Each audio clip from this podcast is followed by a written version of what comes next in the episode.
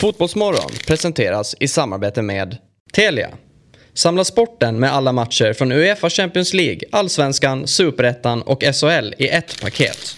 ATG. Odds på Premier League, Allsvenskan och all världens fotboll.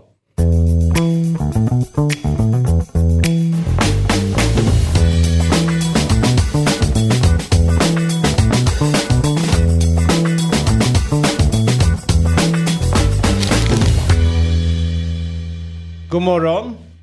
Hjärtligt välkomna till Fotbollsmorgon. Tack. Äntligen Tackar. måndag. Ja, Bam! Sån jävla bra dag. känner du så även fast Fabbe är i studion? Ja, så det är en liten uppförsbacke. Ja, fan, jag saknar Robin. Det, ja, man, man saknar ju Robin. Och, Det gör jag med. ja. Ja. Men jag säger så här, vi ska, tack så mycket, vad snäll du är. vi, eh, vi ska vara snälla mot Fabbe. Jag tycker det är väldigt kul att du är här. Tack. Eh, och eh, ja, du var ju väldigt lång tid i utlandet, Australien. Om du ska säga en grej som sticker ut eh, i bevakning och synen på fotboll jämfört med Down Under och här, vad ska det vara? Fabian Ahlstrand ska säga, han jobbar hos oss. Så det är liksom ingen gäst vi har här. Uh, oj. Så. Bevakning på fotboll säger du? Ja, men hur man ser synen på, finns det något taktiskt, finns det någonting? Jaha, nej men det, det, det, är snarare att det inte finns något i Australien. Alltså det finns ingenting. Nej. Alltså, fotbollen är så liten. Så förvånansvärt liten. Mm. Eh, och det märker man väl. De, Men den har ju ganska hård konkurrens från andra stora som man kanske glömmer bort. Aussie Rules, cricket, rugby och sen så ja, det finns rätt mycket annat som ska in där. Ja, uh, australiensk fotboll är enormt stort i Melbourne. Mm. Där jag bodde. Och sen i Sydney är ju cricket väldigt stort tror jag. Rugby väldigt stort. Så det skiljer sig från stad till stad. Liksom. Jag fattar. Du, eh, eh, hur har din helg varit eh, Jesper Hoffman? Har den Jo, varit bra? den har väl varit bra tycker jag. Det är... Man glömmer alltid bort när man sitter på måndagar. Men det var mycket fotboll igår söndag. Och eh, var på plats på, på Friends. Eh, vilket ju var... det? Det var ju en, eh, för de som inte vet då, så var det då eh, eh, en av de absolut största spelarna i ditt favoritlags historia som la ner Mm. fotbollskarriären eh, igår. Och eh, det sjöngs och det firades och, och hyllades och sådär. Var du nöjd med själva liksom, Ja, det får man säga. Det var väldigt eh, värdigt. Otroligt. Eh, AIK Tifo hade ju verkligen bjudit upp med ett storslaget tifo Mm. i flera omgångar. Både inför matchen och i halvtid. Och sen så supportrarna som, som sjöng ju eh, hans ramsa under i stort sett hela matchen. Mm. Eh, det var bara tråkigt såklart. Dels med resultatet men, men också att han inte har kunnat vara en del av AIK rent sportsligt den här eh, hösten såklart. Vilket han ju känner själv. Men eh, nej, det, var, det var väldigt eh, eh, mäktigt och, och mycket folk på plats. Vilket var ju också fint.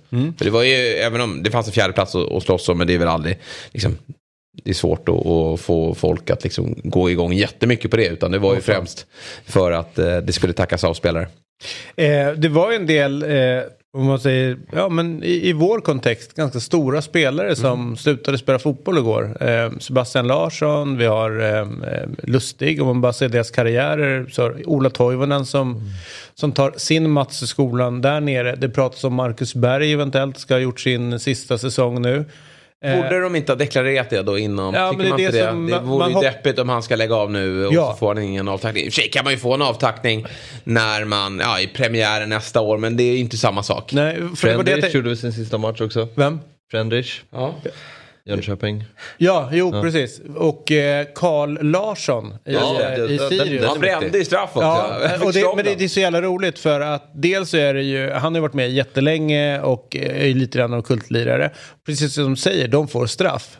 Och han tar, och det är ju eh, Lukic som var med mm, i vår. Eh, ja, ja, ja, som stod i vår. Ja, Mäklaren, precis. eh, för det var inte säkert, han visste inte om han skulle få stå. Det var ju en kamp om målvaktspositionerna. Men han fick stå. Straff, Carl Larsson får ta den. Och det är typ den sämsta straffen jag sett i mannaminne. Den är så dåligt slagen. Så att du vet, Lukic behöver inte göra någonting. Men då hittar domaren, det är någon stackare som har sprungit in i straffområdet lite för tidigt. Då tar han om straffen och Larsson får en andra chans och då gör han, ja men ganska rätt, bara lägger upp den exet och det är klart. Men han hade ju lite tifo innan och är ju verkligen en kultlirare. Eh, och som eh, liksom är ju lite också smårolig emellanåt hur han uttrycker sig och så. Alltså det är en rolig herre. Verkligen. Som är lite tråkig när han slutar spela fotboll. Så här är det, det, det är mycket som händer den här mor- morgonen. Jag ska berätta om kanalbyten och det är någon kladdkakas dag och sådana saker. Men vi kan ju absolut inte liksom börja dagen efter vi har avslutat en allsvensk säsong med att inte prata om eh, de som har vunnit guld. Eh, och det är en eh, människa som är med oss nu, Anton Näström, som vi har aldrig träffats men vi har snackat lite grann i sociala medier. Eh, och eh, inte trodde jag att det var jag som skulle behöva gratta dig eh, till SM-guld när vi till slut skulle börja prata med varandra på det här sättet. Men grattis till SM-guldet! Tack så mycket. Det värmer att höra. Berätta bara hur, eh, hur känslan är när du eh, har, ja, men ni har stängt säsongen och det är ni som är svenska mästare. Ja, jag vet ju inte hur det ska kännas i och med att det är första, första SM-guldet då. Eh, det känns fortfarande lite overkligt och det känns som en jäkla lyx att kunna ha avgjort säsongen innan sista omgången också. Så man har kunnat njuta hela veckan. Och igår kunde man bara sjunga för full hals och ändå inte vara nervös på något sätt. Det var nej, det är en helt magisk känsla att, att, att få landa i. Men du, Anton. Då eh, s- eh, sa ju allt och alla från klubbledningens sida. Men eh, ikväll, då blir det fest. Nu ska vi eh, eh, fira, det är hela klubben, eh, tillsammans med supporterna. Alla är välkomna till eh, eh, kooperativet. Eh, Och eh, sen började jag notera eh, rätt många besvikna röster eh, och, och rätt många som tog till Twitter för att liksom vädra missnöje mot hur, hur det här var skött.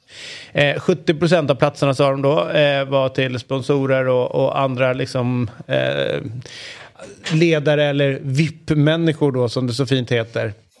Medan då eh, så många sa att vi som har stått här eh, varje match och det har varit eh, 700 på plats och det har varit 800 på plats och 1000 och så vidare. Vi kommer inte in, vi får stå och köa. Eh, vad, eh, hur, eh, hur stor smäll i, i nyllet eller magen var det här på, på folk? Nej, men det var väldigt speciellt. Jag kom dit, jag och min kompis, vi, vi var väl där typ eh, ja, 10 över 6 tror jag. Och klockan 18 skulle de släppa in. Samtidigt så har jag en kompis som bor precis, eh, har fönstret ut mot det här kooperativet då. Så han sa det är 150 meter kö nu och tänkte ja ja men de börjar väl släppa in då.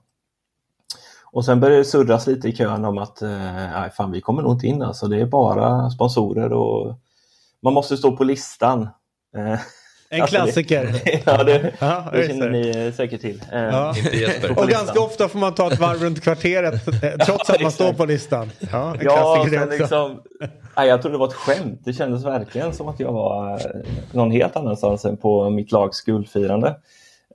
Så jag, jag köpte inte det. Sen började jag se att det trillade av, om man nu kan kalla det så här, profilerade supportrar. Liksom folk som eh, ja, verkligen kan klubben utan och innan och, och sådär. Och de gick därifrån eh, och var vansinniga. Då började jag fatta att aha, det, här, det blir alltså ingenting.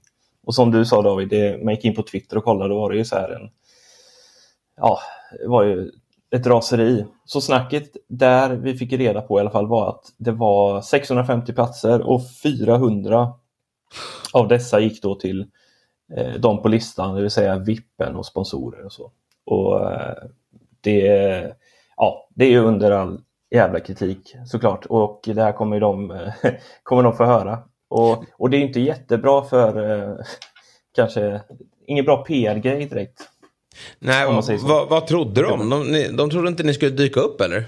Ja, eh, lite så. det är det man undrar vad, eh, vad de trodde. För att det är en sak eh, att ha det så här. Det kan man väl, ja, inte köpa kanske, men det, så, så kan det väl vara. Om man vill ha guldfesten så, så får man väl ha guldfesten så. Men det är ett eh, kommunikativt haveri, eh, om du frågar mig då. Eh, att säga att det är öppet för alla så länge du är över 18 år, var det, det var det de sa. Det är liksom välkomna förbi. Det var så de sa. Eh, Men det stämde inte, det var inte till för alla. Utan det var ju en, en liten klick. Men jag vill också säga att eh, jag såg att det var väldigt många som till slut kom in där. Eh, jag vet inte hur, om det där förändras senare under kvällen. Jag stack ju hem tidigare än så. Eh, och väldigt många som hade kul, som jag unnar eh, att vara där och fira med, med laget då. Med Erik? Eh, så, eh, precis, framförallt med, med Friberg då kanske. Men, Ja. Nej, men eh, så, alltså jag undrar verkligen de som var där och, och jag vill liksom inte ta ifrån deras glädje på något sätt. Men jag tror alla kan enas om att vi borde vara fler. Mm. Jag håller med dig. Anton, grattis än en gång till SM-guldet. Eh, och så hoppas Tack jag ordningen är återställd till nästa år när vi är det bästa eh, eh, svartgula laget eh, i, i serien. Och så kan ni harva på där nere. Ja, ni har- där ni vi, har- där ni vi har gjort det i år. Det var inget roligt. Så vi byter gärna Nej, tillbaka.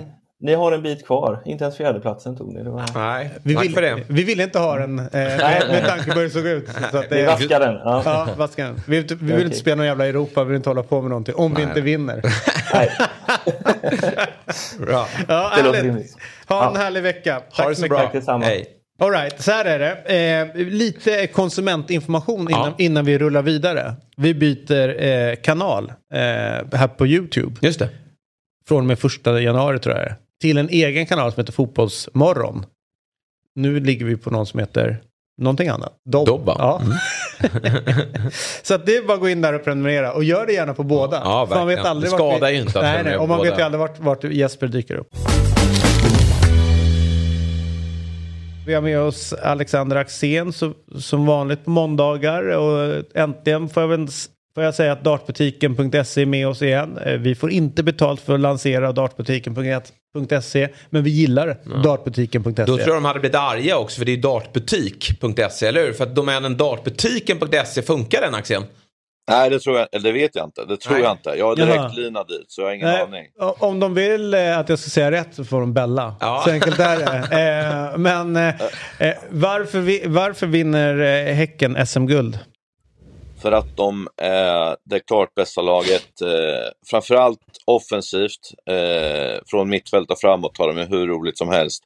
Till och med ytterbackarna då var ju mer offensiva än defensiva. Eh, men lyckades få ihop försvaret på slutet. Och framförallt, bäst när det gäller. Det är någonting som Fabbe inte vet vad det är, men eh, det är ju alltså att man åker och tar de där fem sista matcherna och gör det på det här sättet. Ja, då är man värdig. Det är inget snack om det. Så är det. Men du, eh, vi, vi pratade ganska mycket förra veckan om Häcken. Låt oss eh, blicka neråt och eh, foka lite grann på Får man säga att det är någon jävla Houdini-liknande liksom, eh, liknande, eh, verksamhet de håller på med i Degerfors? För det här skulle inte gå. De var ju ute eh, liksom, avräknade. De hade inte laget, de hade inte poängen, de hade inte spelet eh, och, och så vidare och så vidare. Och sen lyckas de undvika nedflyttning, de kvalet och liksom landa in på säker mark. Jag är superimpad, men vad är det liksom i, i deras eh, liksom handhavande som gör att det här vänder? Vad ser du som de faktorerna som gör att de lyckas vända på säsongen?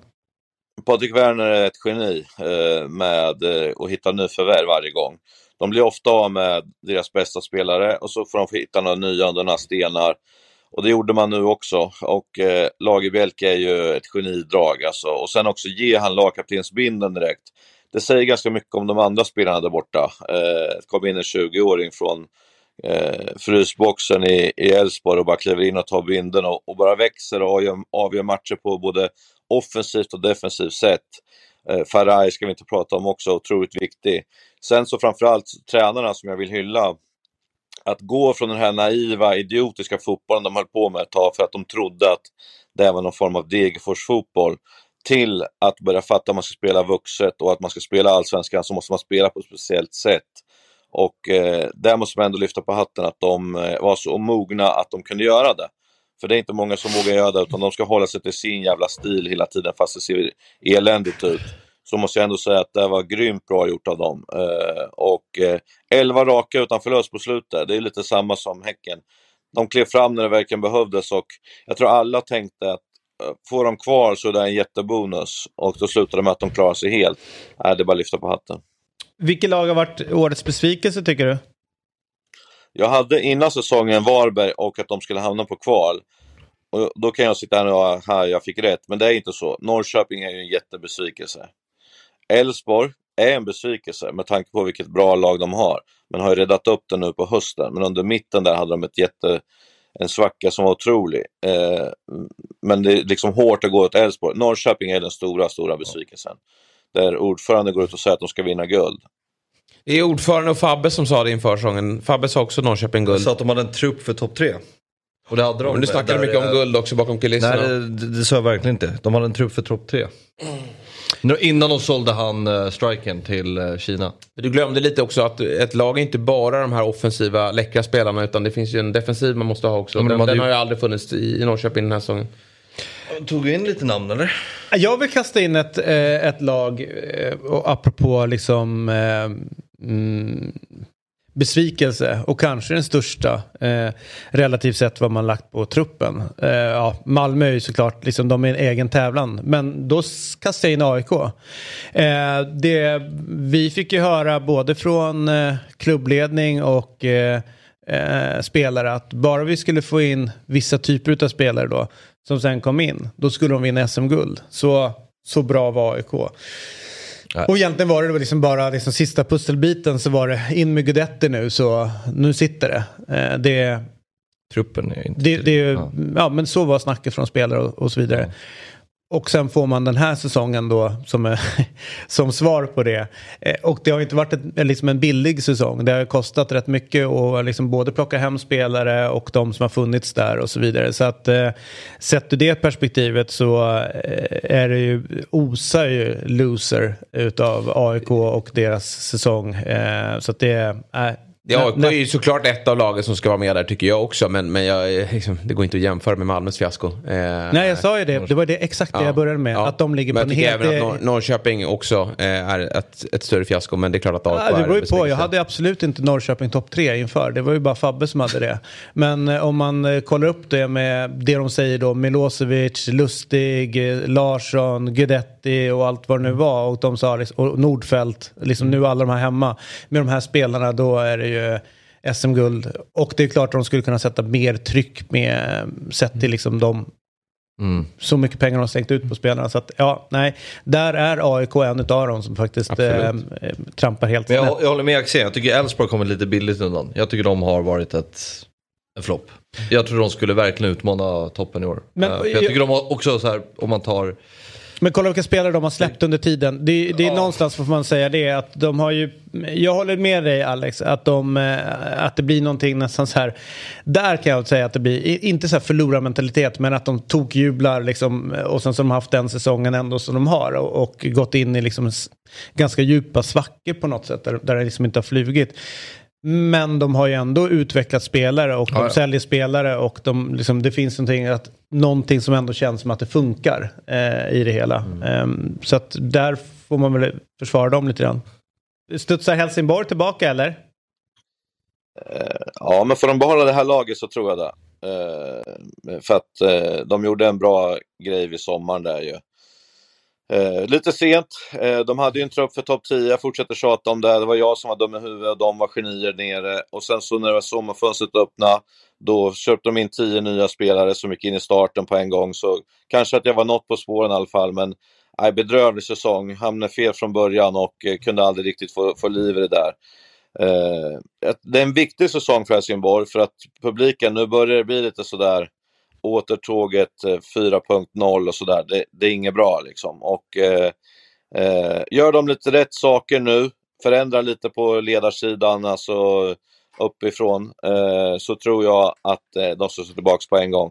För superettan just nu, den är ju inte högsta klass. Ja. Du, innan jag släpper dig, eh, för vi ska prata med Patrik Werner alldeles strax, eh, så måste jag stanna till lite grann vid Örebro. Eh, för de som inte vet det så var det så att du var ju tränare för Örebro, lämnar och nu ska jag göra en egen fultolkning så du får köpa den bara. Men du, du lämnar ju Örebro utifrån att ni inte riktigt var överens om framtidsvisionen. Där du kände att du hade mer realistisk syn och liksom sluta med en fantasi att vi ska vara topp fem och liksom Europa utan låt oss etablera oss och liksom bygga en allsvensk, eh, allsvensk lag och klubb i, i lugn och ro. Där lämnar du, Axel Kjell får ta över och sen så börjar de sin resa mot visionen som faktiskt nu då slutar i botten utav superettan. Eh, och eh, inför sista sekunden så är det alltså nära att Örebro kan hamna i ett negativt kval ner till eh, division 1 när du kollar på det som har hänt i Örebro eh, sen du lämnade, den här visionen eh, som har varit. Eh, du fick ju rätt någonstans och nu vet jag att du är en större människa än så som går runt och liksom är glad över Örebro eh, och vad som har hänt. Men eh, det fallet är ju häpnadsväckande också när man ser de spelarna de har haft i det här året i, i superettan. Vad, vad, kan, vad kan Örebro göra för att vända på det här så att vi inte ja, tappar dem från elitfotbollen? Ja, det är, det är stålbad pratas det om här i tidningen hela tiden. Ekonomin är inte bra. Man gjorde en jättesatsning i år.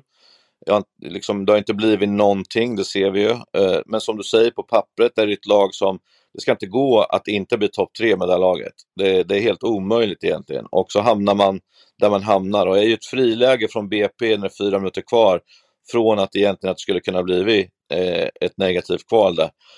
Eh, det är så mycket saker som har varit så dåligt så jag vet inte var jag ska börja någonstans. Eh, och, och liksom, man är så här, ytterligare så på sig som man är jättemånga i truppen igen och man köper superettaspelare, division 1-spelare. Det tycker Fabbe är bra, det tycker Fabbe är kul. Men jag säger ja, men... att då blir det ju på den nivån. Du har ju hyllat Seger hela tiden. Ja. Jag säger att om Seger spelar i ett lag så är man inget topplag, det är enkelt. Nej. Nej men vadå, de här Yassin och Hamad och de här. Vänta, vänta, vänta, vänta, nu får han prata ja, så, fort det är en Sollentuna-koppling, så fort det är en Sollentuna-koppling så är de ju bäst i landet. Pojkar, det är tur att Axén tycker till. Det är lugnt. Tyst, tyst. Alex pratar. Tyst. Nej, tyst. Fortsätt Alex. Kom ihåg den uh, taken där Fabbe. Jag sa till det där för flera år sedan, det vet du om. Är Nej men alltså det är ju så här det är ju så här liksom, försvarsmässigt har det varit jättedåligt under många år, eh, liksom även på min tid, men det blev ännu sämre sen. Oskar fick årets spelare, fast han släppte in över 50 mål varje gång.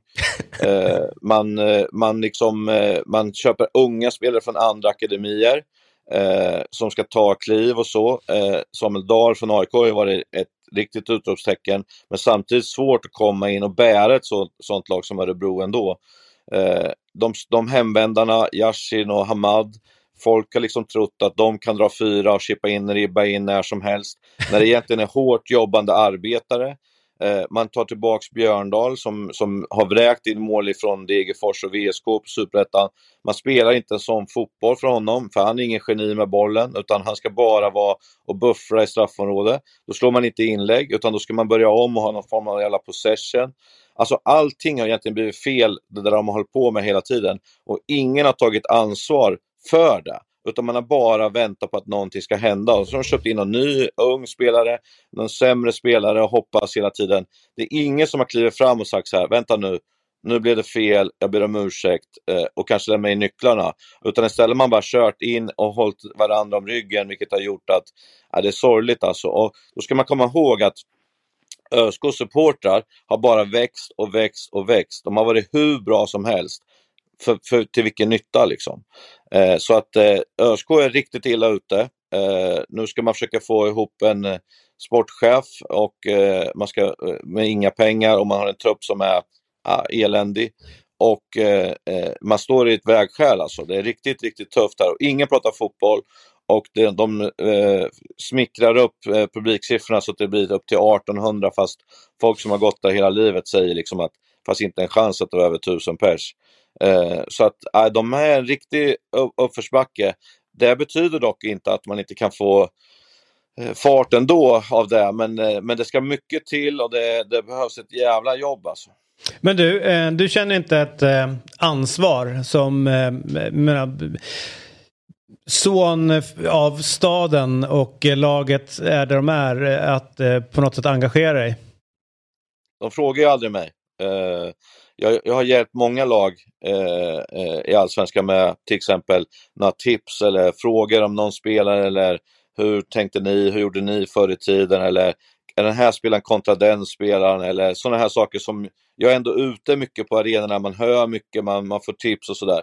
De har inte frågat mig en enda grej Eh, så att eh, eh som det är nu så måste nog alla som är där försvinna för att jag ska kunna få chansen att hjälpa till tror jag. Mm. Alright, du eh, vi ska eh, ringa upp Patrik Werner. Tusen tack för den här morgonen. Ja, jag vill Tänk... bara säga en sak här nu. Glöm inte min egen podd här nu, eh, Fotbollens Karlavagnen, Fans Corner Sverige, som idag går in på måndags eh, eh, grej, för vi ska jobba imorgon, jag och Per Hansson på tisdag. Det är att man får ringa in och komma in med bra grejer. Jag förväntar mig att du ringer in David Fjell, för du har mycket tankar och sådana grejer. Och det här är ju för supportrar. Det ska jag göra och god morgon och trevligt att ha med dig. Tack Hör av om det är något. Ja. om du behöver hjälp med något. ja, du bara hör av dig. Du vet vad du har med. Se höstens bästa matcher med Telia Sportpaket. Du får allt från Champions League, Allsvenskan, Superettan och SHL på ett och samma ställe. Telia Sportpaket ger dig all sport från Telia och Simor, inklusive Allsvenskan och Superettan från Discovery+. Förutom alla sporter, turneringar, ligor och matcher ser du också alla filmer och serier. Du kan även lägga till HBO Max utan extra kostnad. Och det bästa av allt, det kostar just nu bara 499 kronor per månad. Och du kan givetvis streama innehållet i apparna eller kolla på det genom Telias Superbox med 4K, wifi, Google Android TV. Så, höstens bästa matcher, bara 499 kronor i månaden. Älskar du sport? Skaffa sportpaketet på telia.se sport. Där ser du Champions League, Allsvenskan, Superettan och SHL på ett ställe. Tack till Telia som är med och sponsrar Fotbollsmorgon. Eh, från en, eh, en säng till en soffa. Ja, och framförallt från ett landskap till ett annat. Ja. Eh, och framförallt från en division till en annan får, får jag ändå säga. Och eh, jag menar, förra året de som följde eh, allsvenskan såg ju då att Degerfors gick upp och sen kommer den här dokumentären Allsvenskan, här kommer degen. En som på något sätt stack ut på sitt sätt att vara sportchef var ju Patrik Werner. Eh, och sen dess så blev, eh, jag kan säga så här, jag började typ nästan hålla lite grann på Degerfors efter den. Och även då liksom på det sätt som som Patrik Werner sköter sport, sporten och liksom hur han hanterar tränare och alltihopa. Eh, med det sagt så satt jag då och kollade lite grann på, eller ganska mycket på Malmö och Degerfors igår och eh, det var ju så äckligt spännande och nervöst. Och då har ju liksom inte jag de när, samma närhet som Patrik har till, till Degerfors. Så jag satt lite grann under matchen Patrik och tänkte så här, om jag känner så här, hur fan mår du under den här matchen då? Ja, det var tufft. Lite mer kan du utveckla dina känslor där. Nej, men det har ju varit, hela året har ju varit jobbigt liksom. Vi har ju fått ett, eh, en ny chans som vi har tagit och gjort fantastiskt bra. Så det har väl känts så här många matcher, men det är klart att det var lite speciellt igår för det var ju liksom slut eller inte efter en sån match. Och Ja, det var jobbiga sista övertidsminuter där, men jag trodde han skulle lägga till ännu mer. Det vart ju bara sex minuter. Jag var rädd att det skulle åka upp en tio eller något där. Då hade det varit ännu jobbigare. När eh, Christiansen får det här skottläget, eh, straffpunkten ungefär. Tankar? Ja, det var ju... Ja, jag stod nere i spelargången där och så jag såg inte helt ordentligt vad som hände. Men när jag såg det efteråt så var det ganska nära kan man säga. Och, Eh, men på något sätt har vi förtjänat lite tur. Jag tror vi hade åtta eller nio ramträffar de fyra första matcherna som inte gick in. Så alla säger att det ska jämna ut sig och det kanske gjorde det nu då. Du, en grej som jag tänkte på under matchen var också att eh, ja, men vi har varit inne på det. Du, du, har lånat in spelare, de har kommit under säsongen. Faraj eller Lagerbjälk och sådana saker. Men när man ser dem spela så var det ju att de hade ju liksom... Eh, där var det ju slita för, för laget, för, eh, ja, men för klubben alltihopa. Det fanns ju en, eh, en, en bestämdhet och en insats i att liksom göra allt för att freda målet som det är inte ofta man ser. Hur har ni gjort för att liksom få ihop den här gruppen och känna så mycket för, för Degerfors och, och för varandra? Ja, en bra fråga. Man får ju den där frågan ofta. Eh, för det första är det ju fantastiska människor och spelare som har kommit in, men på något sätt så tror jag de flesta känner av vikten av eh, fotbollen i Degerfors. Att man blir liksom påverkad på ett positivt sätt. Det är ju bra människor och det betyder ju så otroligt mycket med fotbollen i Degerfors. Jag tror att man känner av det när man är involverad i föreningen och man kan kräma ur eh, lite extra. Men eh, framförallt är det ju fantastiska spelare och bra personer. Sen kommer ju de in. De har ju knappt förlorat liksom. Sen, vi har ju 11 raka utan förlust. Jag tror de var med Mjällby borta första och då skulle vi ha vunnit den matchen tycker jag också. Fast vi förlorade den med 2-1. Eh, så mm, det är klart att det har blivit självförtroende också. Alla har jobbat hårt, vi har fått ett, ett flow i alltihop. Så det är många aspekter som påverkar det. där, Men ja, fan det har varit kul i alla fall i höst kan jag säga. Ja, jag förstår det. Men nu har ni lyckats lösa det då, två säsonger i rad i sista omgången. Vad, vad, tänker du framåt här? Nu börjar ju ditt arbete inför säsongen 23. Vad ska ni göra annorlunda? Vad tror du att Degerfors behöver göra för att inte vara illa ute i sista omgången nästa år igen? Ja, vi, vi är värda att vara, ha en lugnare säsong någon gång tror jag. Det har varit tre år i rad nu det har suger musten ur den. Men det, det, är klart att vi lär oss hela tiden också. Jag är ju färsk som sportchef i Allsvenskan. Vi har tränare som inte har varit på den nivån innan. Då har vi fått erfarenhet och vi har eh, ändrat mycket under året också som gör att vi kan ta lärdom av det. Men framförallt blir det ju nu, nu kan ju eh, Faraj är klar för AIK.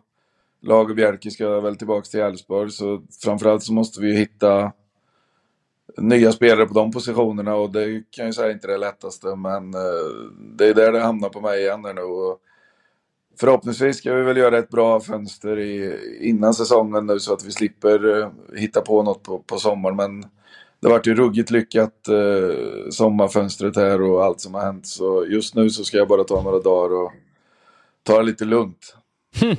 Du, eh, jag satt ju också tyckte eh, det här ja, men sjuka grejer som kan då inträffa. Malmö, ni möter Malmö sista matchen. E- erans, liksom bygdens son Ola gör sin sista match eh, där mot er. I mål står er förra målvakt. Alltså liksom hur var, hur var det? Det fanns liksom ändå de här beröringspunkterna mellan er och, er och Malmö under matchen och liksom, ja, du, jag tror du fattar. Ja, det är ju speciellt på alla sätt och det var ju bra att Ola hade spelat två matcher den här veckan och starta. Jag ville ju liksom att han skulle fortsätta på något sätt, men han var ju utbytt där i 60 eh, Det är klart att det, det, är en konstig situation, men jag vet ju också att Ola är ju en sån där som, eh, när han väl kommer innanför linjerna där så vill han ju, han har ju den där mentaliteten i sig, så man var ju liksom rädd att jag säger till våra spelare att reta inte upp honom på något sätt eller liksom skicka på honom en smäll så att det liksom blir något så han blir tjurig och grinig för då kan han sänka oss liksom. Men... Blev du nöjd när Lagerbjälke sänkte honom i första då eller? Ja, jag såg det. Fan, jag tänkte lugna ner dig för fan och ta det lugnt istället med honom. Men eh, det gick ju bra och det var nog speciellt för oss men framförallt för honom själv och jag tror det var skönt för honom att kliva av i 60 det där och, och ja, ta det lite försiktigt. Han visste ju också vad vad det stod i Varberg och sådär så... Ja, det var... Jag tror när man summerar kvällen så var det ju en höjdare för, för liksom alla inblandade där. Det är klart att han ville säkert vinna för Malmös skull men samtidigt så tror jag att han tycker det är viktigt att Degerfors är kvar i Allsvenskan är, är minst lika stor. Sa han något efteråt?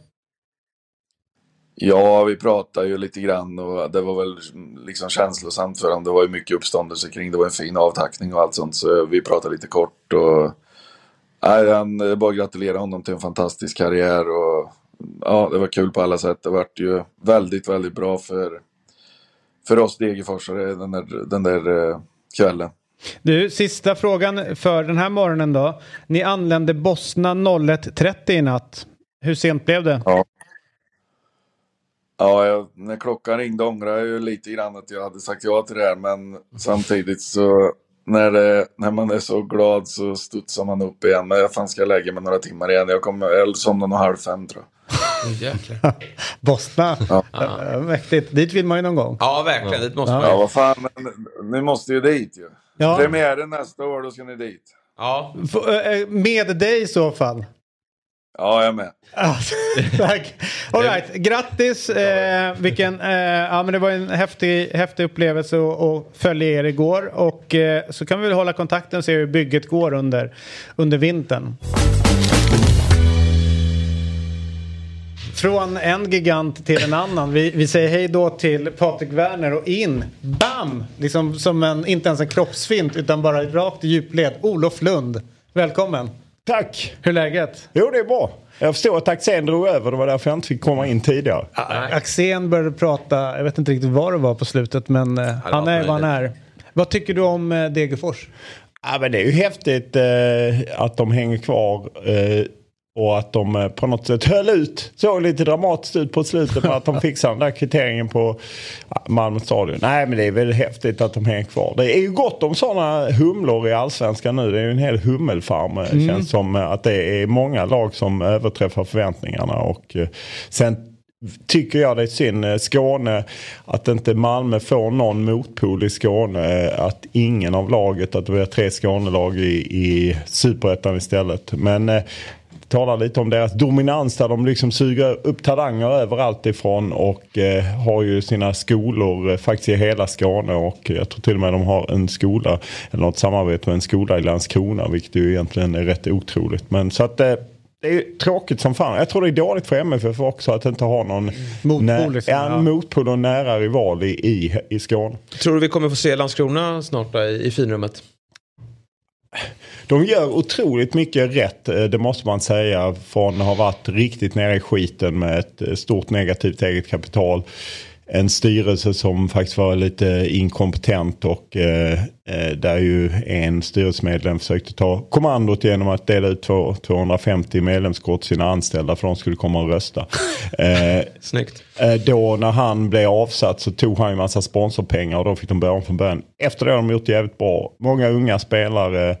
Melker Jonsson känner ju en del till. Han har spelat, nu har han meniskskada. Men eh, tror de hade en eh, start eh, under 23 år i matchen igår när de slog Utsikten och blev ju sexa och efter en risig start och tappade ju många spelare till allsvenskan. Så att eh, de är på rätt väg men allsven, eh, bättre, hellre ett topplag, kanske något år i allsvenskan men de, de har inte riktigt eh, strukturen för att spela i allsvenskan. Nej. Mycket lokala spelare va? Ja, men de mycket, lokala, mycket skånska spelare, mycket lokala spelare, mycket egna akademispelare. Och där har de ju, han som AIK tog, Tobias Celedon, han var ju 3-4 år, kommer från Vasalund, var i Landskrona, fick verkligen ordning på deras akademisatsning. Så en klockren värvning från eh, AIKs sida och det fattar man ju att de eh, plockar upp. Men eh, Ja, men de kan nog vara med och utmana och jag gillar att de gör det utan att äventyra liksom klubbens re- resurser. För eh, under de år jag har följt Boys sedan 70-talet så har det varit många gånger när de i princip varit eh, konkursade. Jag vet jag skickade själv in 3000 kronor av mitt studiemedel. Detta var långt innan jag blev journalist. Eh, för att eh,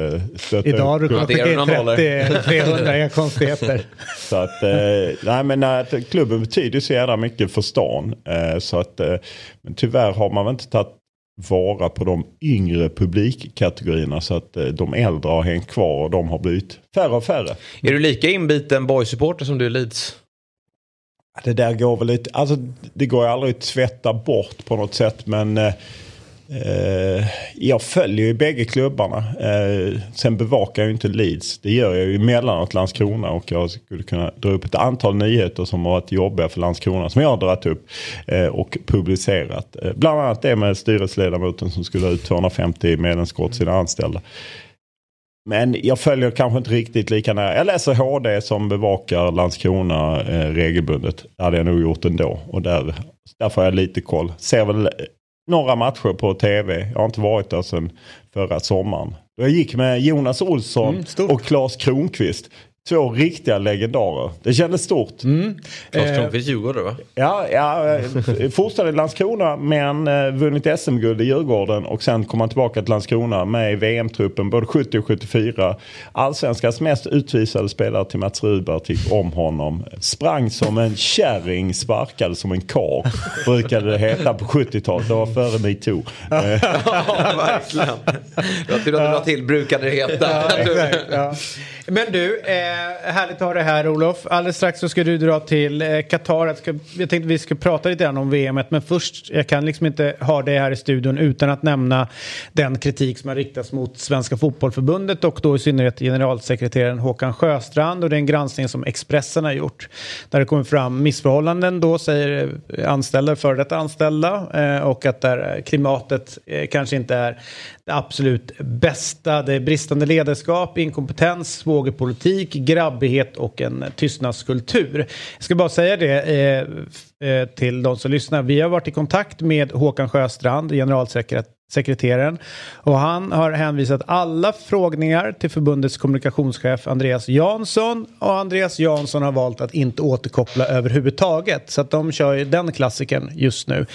Hur ser du på det här Olof? Ja, men det är väl bra att Expressen gör lite men om man har följt mig Eh, ja, man kan gå tillbaka rätt långt så har jag ju beskrivit ungefär samma saker. Vi har eh, på Fotbollskanalen, vi hade medarbetarplats, medarbetarundersökningen. Vi har vi tillsammans med SVT. Alltså för oss är det ju inget nytt. Expressen, eh, åtminstone i Noah Bachners krönika så framstår det ju som att Expressen har gjort något helt eget. I det, mm. första artikeln så creddade de oss och SVT.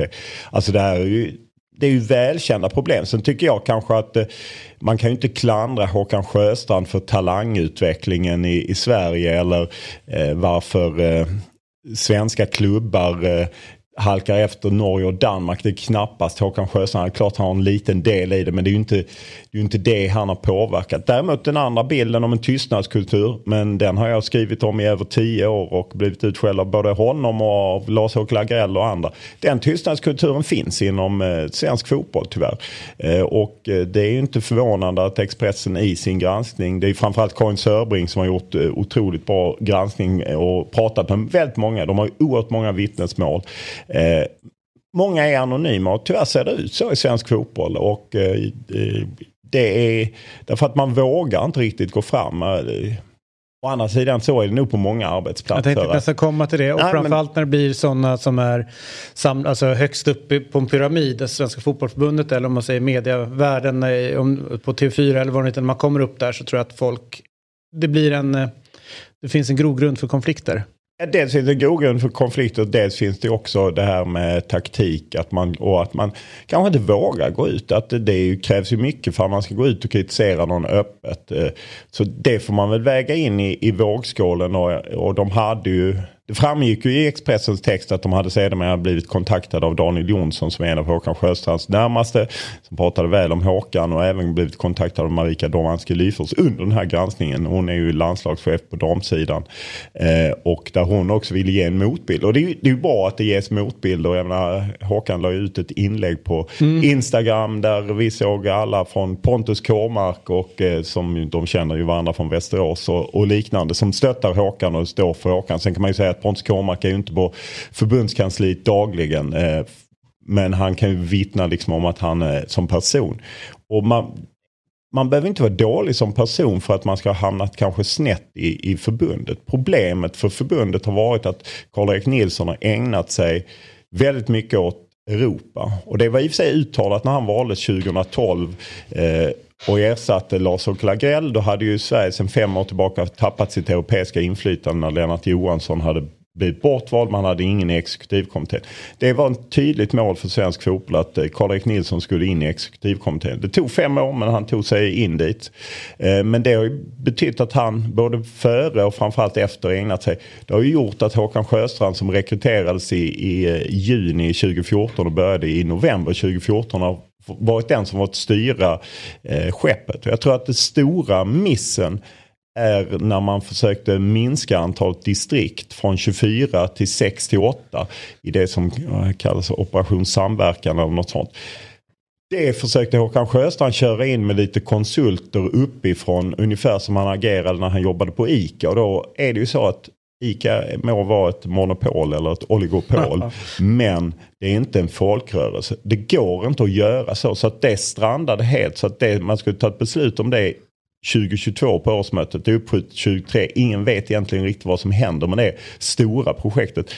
Där brände han av många. Sen brände han av damlandslaget med bråket om pengar. Och faktiskt också herrlandslaget eftersom han ju själv gick ut och tog cred för att damerna hade fått mer när det var herrarna. Jag vet inte om ni minns när ja, Andreas Granqvist ja. efter mm. han hade fått Guldbollen var helt galen på, eh, på Håkan. Eller om det var 2018. Nej det var 2018 förlåt. Eh, det var när Vigge hade fått Guldbollen. Men Andreas Granqvist var helt galen på eh, Håkan Sjöstrand för Sjöstrand hade sagt att ja, men jag har sett till att damerna har fått mer. När det faktiskt var herrlandslaget som hade skjutit till och avstått pengar. Så att han har ju bränt av massa allierade. Mm. Och sen gillar han att ta selfies med sina stjärnor. Det är inte sånt man vinner när det går, blåser mot. Då ser inte det bra ut. Han kallas ju för Mr Selfie på eh, förbundskansliet. Och det, det är klart att när det är motvind då är, kommer det emot det. Det som också var, eh, jag ska säga, det jag tycker blev lite galet i, i den här granskningen, det är det du nämner att ja, men satsningen på hur mycket man lägger på akademier och sånt där, det är absolut inte förbundet utan det ligger under SEF och SEF har ju en sportchef. De har ju liksom valt att organisera sig som så att vi går ihop tillsammans och vi utser en som ska driva det här och de här frågorna. Så rätt mycket av det är ju egentligen SEF och EFD-frågor eh, snarare än förbundsfrågor. Jag har ju väldigt svårt att se att förbundet är nere i vardagen eh, och liksom grotta med hur, hur klubbar väljer att fördela sina resurser. Alltså ska vi lägga mycket på A-laget eller ska vi satsa på ungdoms... Alltså vet, det är ju ner på, på klubblagsnivå. Ja det är det ju. Det är naturligtvis så. Och jag menar det är ju det är ju så komplext.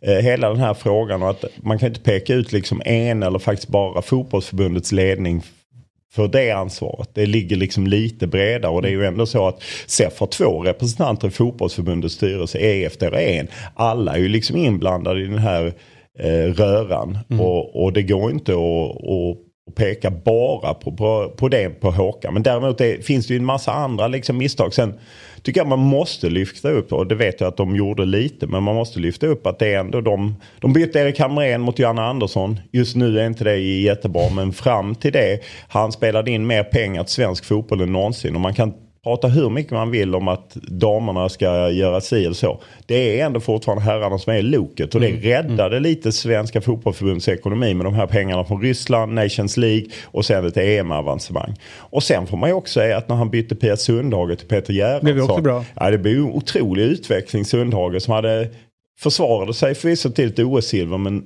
Sverige har ju varit mycket bättre, spelat bättre och eh, där hade man ju också en effekt så att säga. Mm. Så ja, det är komplext. Och likadant där de skriver då att så många utländska spelare som är i högsta ligan på dam. Det är ju klubbarna själva som väljer att värva in spelare och liksom att man då relativt sett kommer efter. Så att det, det är komplext eh, runt det Hur hela. Hur ser det ut ekonomiskt framåt nu då med tanke på att vi har eh, halkat efter sportsligt?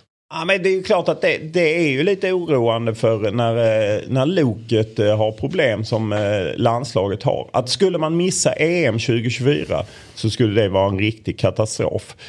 För att, att man går inte till varje VM, det, det, är man van vid. Men man behöver nog gå till i princip varje EM för att ta in de här pengarna. Och nu i och med att man dessutom trillar ner i Nations League-grupp C som faktiskt första året gav rätt stor vinst även om man spelade i B. Sen hade man ju otur när man var mötte Frankrike, Portugal och Kroatien när man inte fick ta in någon publik. Men nu, det är också en jättesmäll. Så att, plus att eh, ja, det är, det är mycket som pekar neråt ekonomiskt vilket också gör att eh, ledningen får kanske ta lite tuffare beslut om man inte är överens om vad man prioriterar. Nej, de har en del att jobba med på, ute på kansliet och eh, jag tror att den som kommer som ny ordförande, jag tror den personen kommer byta ut generalsekreteraren. För det är rätt naturligt, det gjorde Karl-Erik Nilsson något år efter han hade tagit över så bytte han ut eh, Lars-Åke Lagrells handgångne man Micke Santoff som inte hade varit där jättelänge.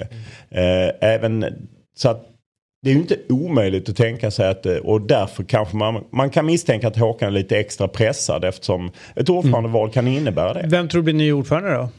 Ja, För alla säger det är ju liksom en oerhört viktig just den brytningstiden som svensk fotboll står inför. Ja och, och faktiskt eh, så man kan vidga den med att RF byter eh, förbundsordförande. Och SEF. SEF byter vd, har precis bytt ordförande två gånger inom loppet av ett år. Vilket det visade sig att Lars-Christer Olsson som var ordförande för SEF. Han vis, lämnade ett vakuum. Mm. Det blev Jens T Andersson och Ove Sjöblom som fick 12 röster var. Lottades Jens T Andersson. Han satt ett år, sen kom Simon Åström.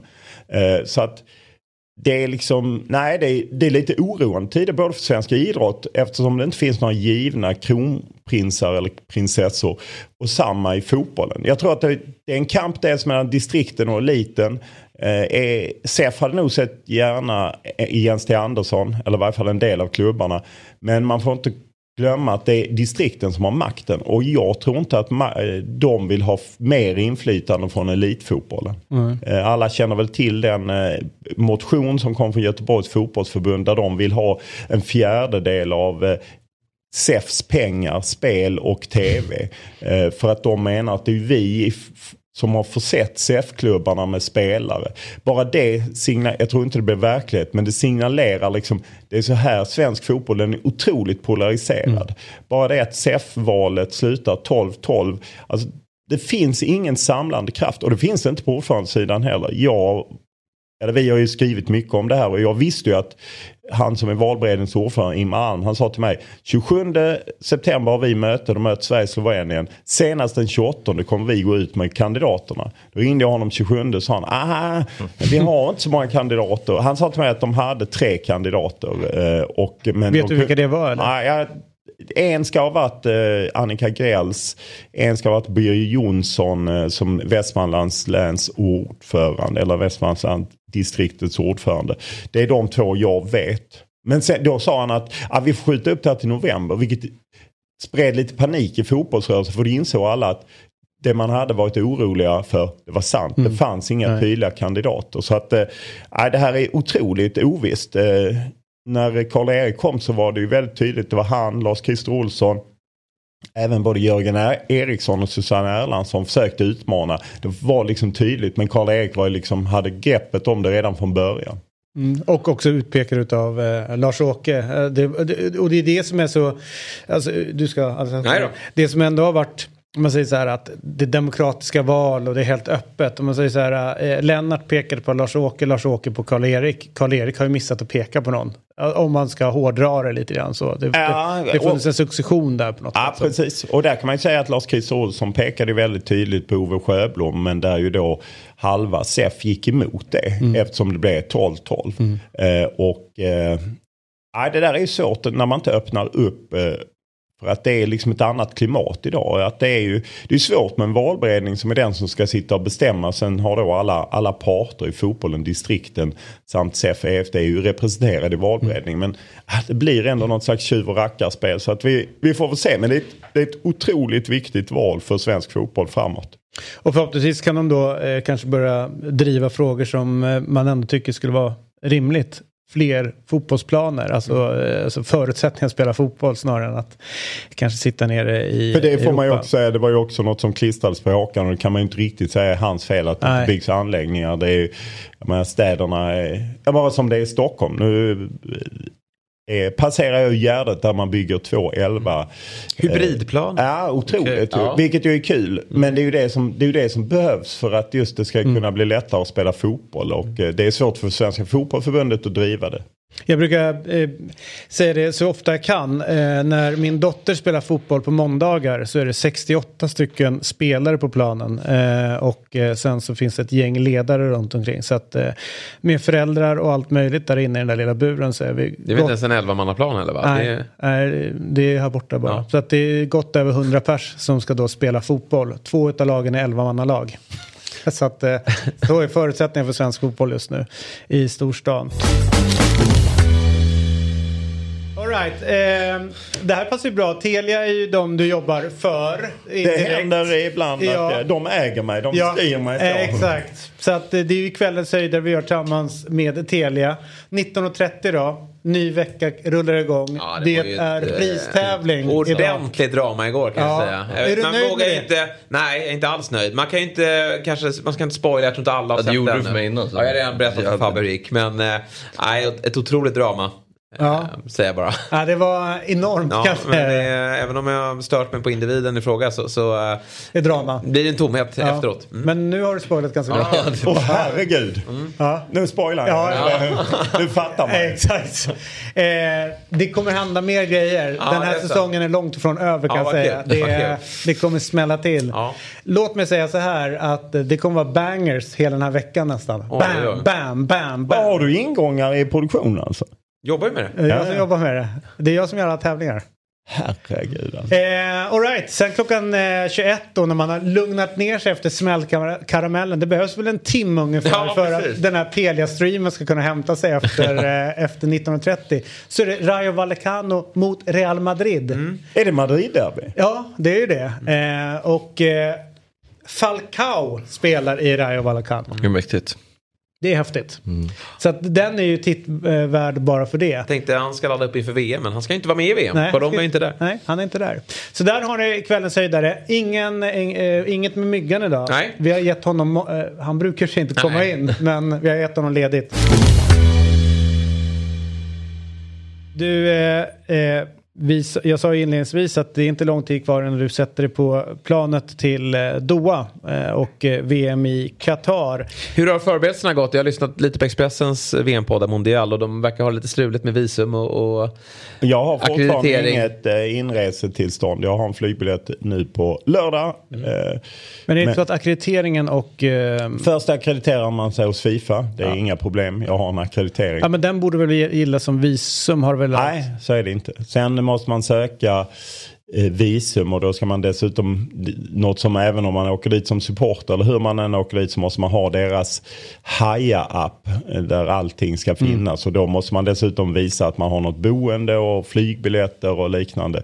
Nej, det är väldigt kontrollerat. Jag har faktiskt aldrig varit med om något så komplicerat. Och eh, ännu så länge har jag faktiskt inte fått klartecken att åka in. Och jag såg Martin Schibbye, nu vill jag ju inte han jobba med eh, VM eh, men eh, han vill åka till Qatar nu för att följa upp lite med gästarbetare så men har inte heller fått. Och, eh, är man intresserad av de här frågorna kan jag faktiskt säga Stora Nygatan 7 eh, 18.00 idag pratar jag och Martin Schibbye och hans kollega Med Britt Anna Tasha Larsson. med Anna-Tasha Larsson.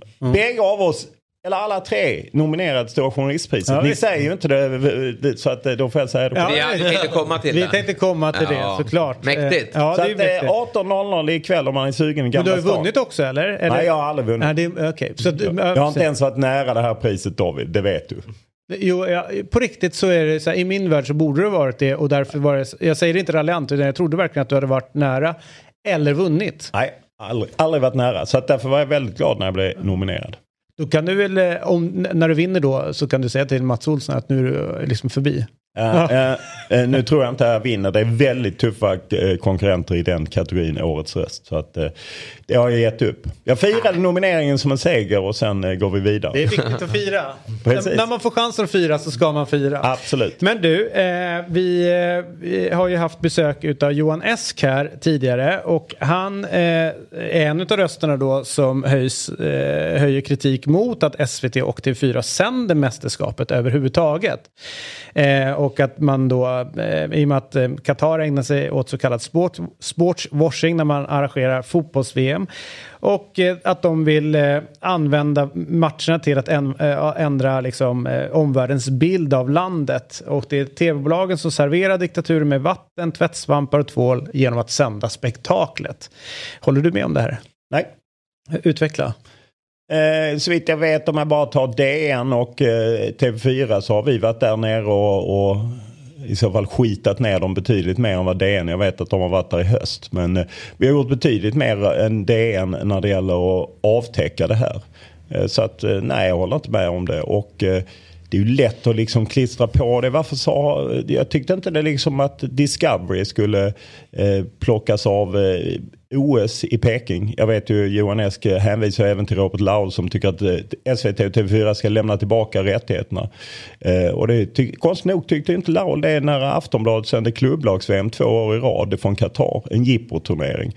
Eh, då var det inga krav. Alltså, det blir ju populism i det här också. Eh, att eh, nu är det plötsligt Qatar och då ska det Framåt sett kan det vara en problematik eh, och jag tror att man kommer att prata mer om det. Vilka rättigheter man köper och vilka, liksom, hur man gör kring det här. Men det är liksom ett, ett vi sitter ju fast i ett, i ett nät på något sätt. Att, ja, men vi, vi behöver ju jaga, SVT har ju tur, de får ju eh, licensmiljarder varje år och de får ju välja hur de vill nej, göra. nej, skattepengar. Ja, ja precis. Ja. Eh, eller det är betalat via skattsedeln men det är väl ändå en licens. De får ju de pengarna. Vi är ju ett kommersiellt bolag som måste ju tjäna pengar på olika saker och eh, då köpte man eh, ett, ett stort VM-paket där, ju, där det ingick olika saker. Det ingick två dammästerskap, två herrmästerskap, två för-VM. Och eh, Sen har frågan om eh, Qatar vuxit och vuxit och vuxit och då finns det de som tycker som eh, Johan Esk och Robert Laul och jag håller inte med dem för det är ju tyvärr så att man eh, ibland behöver man ta hand om en världshändelse som ett fotbolls-VM ändå är eh, och försöka klä det i, i rätt kläder. Och Jag tycker vi har gjort, jag säger inte att vi har lyckats men jag tycker ändå vi har gjort försök genom att vara där nere Lång ansvarsutkrävande intervju med VM-chefen. Jag har inte sett det i DN.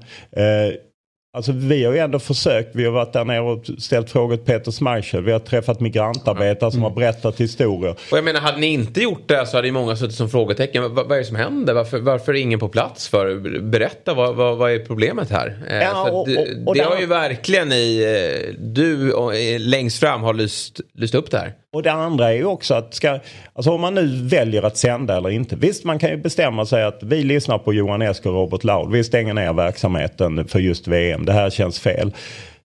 För mig blev det så konstigt när vi liksom, jag såg inte det här problematiserandet från någon sida när vi sände Rysslands VM 2018. Eh, det Eller, fri, kanske eller fanns. friidrotts-VM från Doha. Precis som SVT sände. Jag, jag såg liksom inte utan plötsligt. Det är som att Qatar-VM har blivit något.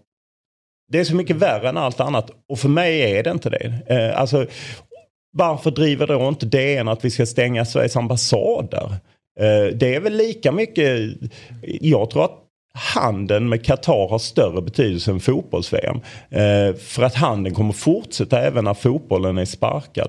Och min bild om man går ut och pratar med folk om VM i Qatar så är det väldigt få som känner att det är ett uppputsat emirat. Eh, utan de flesta känner att jag vill nog inte se VM i år. Allt jag har läst och hört om Qatar. Jag tror inte Qatars sporttvätt har funkat i, i eh, Sverige. Åtminstone inte till fullo. Jämfört kanske till och med andra länder. Där man inte har den här journalistiken. Nej, jag tänkte faktiskt komma till det för att det känns som att det här är väldigt, det, det är nordiska länder som driver på ganska hårt. Eh, det, ska, det ska mycket till innan Eh, ja men Gareth Southgate har liksom, ja men han har kunnat prata ganska mycket, sen så går han lite för långt och då kommer kritiken. Men det är liksom, det känns som att det är väldigt knuten till de nordiska länder, eller Sverige och Norge ska jag säga, inte Danmark i Ja, Danmark har också haft vä- väldigt eh, hård debatt och de eh, hade en, få- en namnundersamling som ledde till att Ja men i stort jag tänker, men förbundet kanske inte har gått ut och gjort en lika hård eh, grej som, som Norge till exempel. Nej, Norge. Norge gick gått längst, Men, men Danmark har ändå gjort så pass mycket att man liksom redan när de var klara för VM så sa sponsorerna att vi lämnar vår yta på träningskläderna till att ni får budskap om mänskliga rättigheter. De har de här dräkterna, en helt Mm. röd, en helt vit, en helt svart för migrantarbetare. Man har haft en faktiskt tuffare debatt i Danmark än vad man har haft i Sverige. Men det är ju de här tre länderna i Norden. Jag tänkte bara, en vad, sex, vad är det som gör att inte de andra hakar på? Vad är Ja, det men som gör att vi de är- är... så moraliskt mycket mer liksom Men det är, tio länder, det är tio länder i Europa nu som kräver att Fifa, som gick ut igår och kräver att Fifa ska skjuta till de här 440 miljoner dollarna. Lika mycket som man ger i lagen i prispengar borde man skicka in i en fond för migrantarbetare. Det är tio länder, där är engelska FA med och Tyskland så. så att det är väl tio länder i Europa som driver den här frågan mer eller mindre aktivt. Resten av världen är väldigt passivt och jag tror tyvärr att i kanske 180 av eh, Fifas 211 medlemsländer så funkar sporttvätten. Eh, för att kanske deras journalistik eh, driver inte åt det hållet. Man kan också säga att ja, men de kanske har annan syn på migrantarbetare. De kanske själva har migrantarbetare eller levererar migrantarbetare och de har en annan syn på, på hela den här frågan. Vad är det Norge gjort då som är hårdare? Är det Nor- som granskar eller? Nej, men Norge framförallt var ju när Guardian kom med siffror som sen ifrågasätts i filter. Men det är klart att det har dött människor i, i Qatar under, eller dött migrantarbetare. De kom i februari 2021 med eh, en granskning. 6 500 migrantarbetare har dött. Då hakade norska fotbollsklubben Tromsö på deras Och vad sa. Filter att det inte stämmer, att det inte var så många? Nej precis, de menar att man kan, måste titta på statistiken och jag aktar mig för siffror. Eh, Jag kan konstatera att det rör sig mellan 3 som Fifa säger och 15 000 som Amnesty säger. Sen beror det på hur man ser på det. Men då hakade Tromsö på. Det växte till en supporterrörelse i norsk fotboll. På årsmötet i mars så var det så laddat att eh, man bröt ut den frågan så att man hade faktiskt ett, eh, ett extra årsmöte på sommaren 2021 för att rösta. Ska vi bojkotta eller ej? Och sen var ju Norge först ut i mars då när de mötte Gibraltar med tröjor med budskap. Sen hakade Tyskland på, Danmark på, Nederländerna på. Det var de fyra länderna som gjorde det. Och sen röstade Norge. Och det var två tredjedelar tyckte de skulle delta. Så de har varit, de har varit i f- frontlinjen och de är mycket mer militanta. Eh, än, där går det ju hårt. Jag vet någon spelare som skulle vara expert där klubbens supportrar gick åt honom. Tyckte det var för jävligt att han eh, var med där. Jag såg NRKs jurist eller en som har jobbat som jurist. En av Norges högsta jurister som sa att han tappade all respekt för alla människor som överhuvudtaget hade någonting med Qatar-VM att, göra. Och det kan man ju tycka liksom att han tappar Norge. Men för mig blir det liksom obegripligt. Det säger en man från Norge vars oljefond har stora investeringar i Qatar. Alltså jag får inte ihop det. Nej, jag kan nej. inte skära ut Qatar-VM här och så hålla upp det. Fy fan, det här är för jävligt. Men jag ser inte det andra mönstret. Men det är lite där jag stör mig också på lite diskussioner på Twitter eh, bland supportrar till eh, andra lag då, när de ska ge sig på Newcastle-supportrar nu eh, och, och tycka att liksom ta avstånd från ett lag, sluta hålla på det här laget. Då tycker jag liksom om man, har, om man håller på ett lag som har en rysk ägare eller ja, från, från något annat lag i, i Mellanöstern. Är man med i cirkusen och, följer det där då är det ju svårt att peka finger tycker jag. Att, att vissa ska kliva bort. Ja, och de här pengarna valsar ju runt. Alltså säg att eh, om vi tar in Abramovic och Chelsea i ekvationen. Tänk på vad du säger nu. så är det väl 50-60 miljarder som de här tre klubbarna PSG, Manchester City, Chelsea pumpat in i fotbollen. Och, och jag menar, det är ju intressant att när eh, Newcastles Saudi-pengar köper Chris Wood från Burnley, köper Burnley en handfallare från Wolfsburg som direkt plockar en spelare från eh, FCK som direkt då höjde budet så de köpte Amo från eh, Hammarby. Det gick på några dagar. Samma med att Newcastle betalar San, eh, Real Sociedad en massa pengar och 13 miljoner kommer till AIK. Det är ju rena Saudi-pengar. Alltså, det är ju det här som gör att det är så himla svårt. Att ska man då från AIK håll säga att nej tack. Kolla Uefa, Gazprom, hur många år har inte de pengarna tryckt Nej, in där? precis. Någon måste ju stoppa. Det, men, så här, någon, och sen tycker jag liksom, det, det blir en viss skillnad. Jag eh, försvarar ju inte Ryssland på något sätt. Men däremot så blir det lite märkligt när Abramovic åker dit för någonting som Putin gör. Sen så liksom har ju han varit en del av ett system ganska många år. Men att man då helt plötsligt, alltså de, det som hände runt eh, Chelsea i samband med invasionen Ja, då borde det liksom samma konsekvenser drabbat rätt många klubbar om man säger inte fit and proper. Det blev liksom lite populistiskt och man får vara liksom lite försiktig också i det du drar upp nu med, på Twitter, hur man uttrycker sig och framförallt hur man ser på olika saker. Att, eh, så här, att fan, man får ändå slå fast att det var ju liksom eh, underrättelsetjänster som pekade ut vissa personer vars tillgångar skulle frysas och då blev ju han en av dem. Jo, jag menar det var inte riktat nej, mot Chelsea nej, nej, utan nej, det var nej, jag, riktat... nej, det, jag förstår det, men det är inte en stat. Alltså, det blir en viss skillnad i om Nej, en men stat han är, upp. fast Men- det är ju en korrupt stat Ja. där man ju inte riktigt vet. Nej, eh, men det, det jag försöker säga det, det blir lite förenklad liksom så här, att gå efter de här pengarna nu som de nu gick efter där. Det gillar de konservativa partiet ganska mycket när de kom in från Ryssland till Absolut. England. Och de har liksom byggts upp rätt mycket samhället. Så att det blir lite grann, helt plötsligt säger man så här, nej stopp inte där. Men i de, de som sitter underhus och överhus har varit ganska nöjda med att fått positioner och, och- pengar. Och, Och det var ju intressant att nu när man kunde läsa Guardian hade ett avslöjande att inget land har pumpat in mer pengar i resor och gåvor till members of parliament. Än Ryssland. Nej, nu är det Qatar. Eh, Qatar mer, Nu är det. Qatar. Så de har ju legat på eh, för att köpa sig vänskap. Och, och jag menar, det, var ju, det är ju intressant att se makten som Qatar har. Tysklands inrikesminister var ju väldigt kritisk mot Qatar och upplägget. Ja då är det ju så att hennes chef Olaf Scholz, eh, förbundskansler, var ju nyligen nere och ville köpa gas där. för de har ju blivit av med sin andra diktatur som levererade gas, Ryssland det vill säga. Ja då fick hon en uppsträckning så sen var hon nere i Doha och tyckte allting var kanon och ska komma på Tysklands första match. Så att det pågår ju liksom... Samtidigt som han är borta i Kina nu och, tycker och försöker sälja halva, eller tre- 30 procent av eh, hamnen i Hamburg. Precis. Nej, det- så att det, är, det, är, det är brutal eh, och det är just det som jag tycker gör att de enkla svaren som typ lämna tillbaka den rättigheten eller något sånt är väldigt svåra för mig att, att balansera för det är så jävla komplicerat. Vi sitter i liksom ett gytter. Men 24 februari 2022 får vi ta med oss för att då tvingades idrotten ta politisk eh, eh, slut, beslut, vilket man ju inte har gjort på många, många år, kasta ut Ryssland. Och det öppnar ju för problem till exempel med Iran. Då kan man peka på, ja men varför agerar ni inte mot Iran nu i VM? Med tanke på hur de hemska scener vi får följa från det landet. Mm. Eh, det är inte första gången heller eh, tycker jag att man ska också lyfta liksom, så att man inte blir helt historielösa. Det är inte ovanligt i tiden att eh, fotbollsmästerskap har hamnat i shady-diktaturer. Alltså ta VM 78 som du nämnde här tidigt. Det var ju en diktatur i Argentina där och då eh, som det pratades ganska mycket om. Men då, eh, alltså, jag vill bara lyfta upp att det inte, eh, det har hänt tidigare i världshistorien. Ja, och, och sen är det väl i och för sig det är ju bra att, eh, att, man, att man tar upp frågor till eh, debatt. Eh, eh, Och att man diskuterar det och att man liksom kan ifrågasätta det. Jag menar, jag, jag behöver inte vara överens med Johan Esk och, och Robert Laul utan man kan ju se olika... Har du någon gång varit det? Ja, det har jag säkert. Eh, Inte- Men inte som du kommer på. Jo, eh, det har jag säkert varit. Jag bara kom på. Jag bara menar att vi är så jävla konflikträdda på det sättet i Sverige. Att man liksom, eh, då blir det som att man är ovänner bara för att man tycker olika. Eh, och det tycker inte jag det behöver vara. Eh, för att man har ju olika sätt att, att, att se på saker. Jag menar, Laul var ju av den skolan också att man väl inte skulle åka till Qatar som ju Johanna Frändén liksom var först ut med att säga att hon tyckte att det var en gräns som passerade. Och vi har alla olika mm gränser. Vad man vill göra, vad man inte vill göra och vad man tycker är rimligt och inte är rimligt. Blir det, blir det lika, ska det bli lika kul? För du, både du och jag har varit iväg på mästerskap. Det, det finns ju en viss... eh, En, ett, alltså man kliver in i den här bubblan. Eh, och eh, hur, hur påverkas din bubbla någonting över att, eh, allt som har varit inför?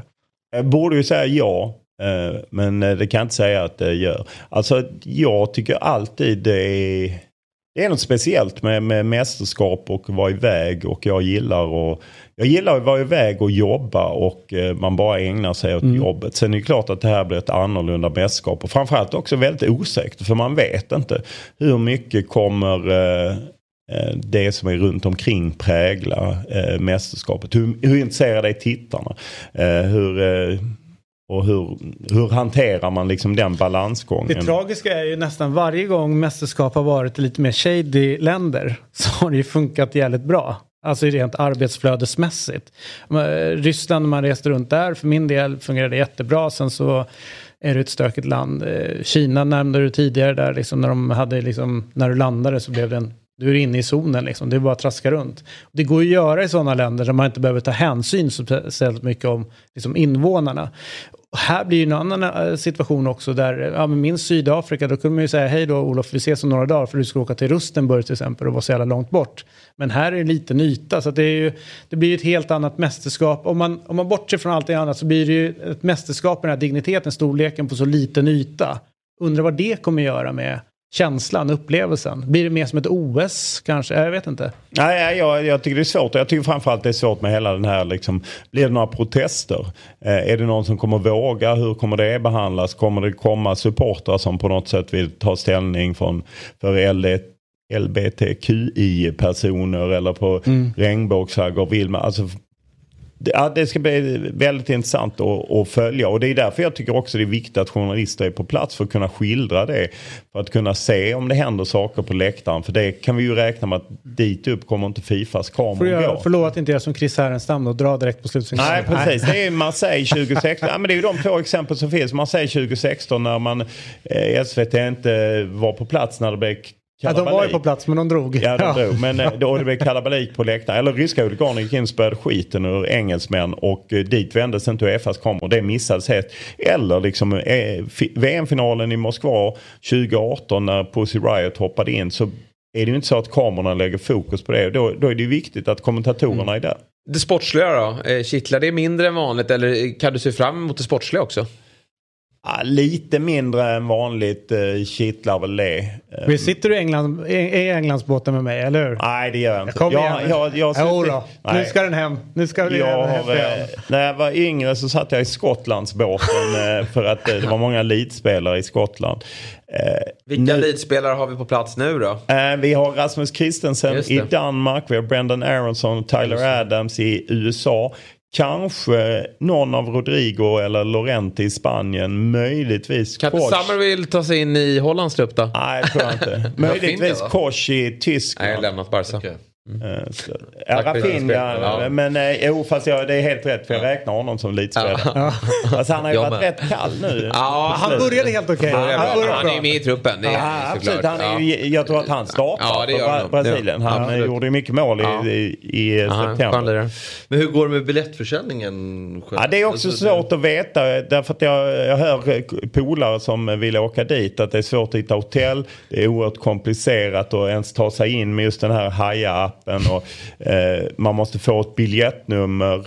Att om man ska köpa biljett liksom på inte direkt av Fifa utan man ska ha en speciell match så måste man köpa av någon nasare.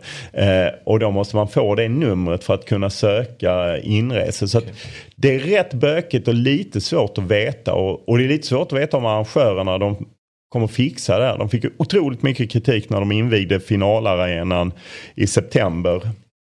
Folk fick gå i, i värmen 50-60 minuter. fanns inget vatten, fanns ingen mat just på läktaren. Eh, väldigt, vä- väldigt, väldigt många sådana liksom barnsjukdomar. Och när det liksom ska ja, komma in ett par miljoner människor till ett eh, land stort som Skåne med och eh, åtta arenor och man hoppas då på tunnelbana och liknande. Ah, jag är lite rädd för... Och eh, dagliga flyg som bara shuttleflyg in eh, till... de ska ju dubbla antalet, det brukar vara 700-800 flyg om dagen. Och det är ju rätt vältrafikerat där eftersom det är mycket folk som flyger ut till Asien via Doha. Nu ska det upp till 1500-1600 flyg om dagen. Så att det är mycket de ska lösa och som jag kan vara lite osäker på om de kommer att fixa.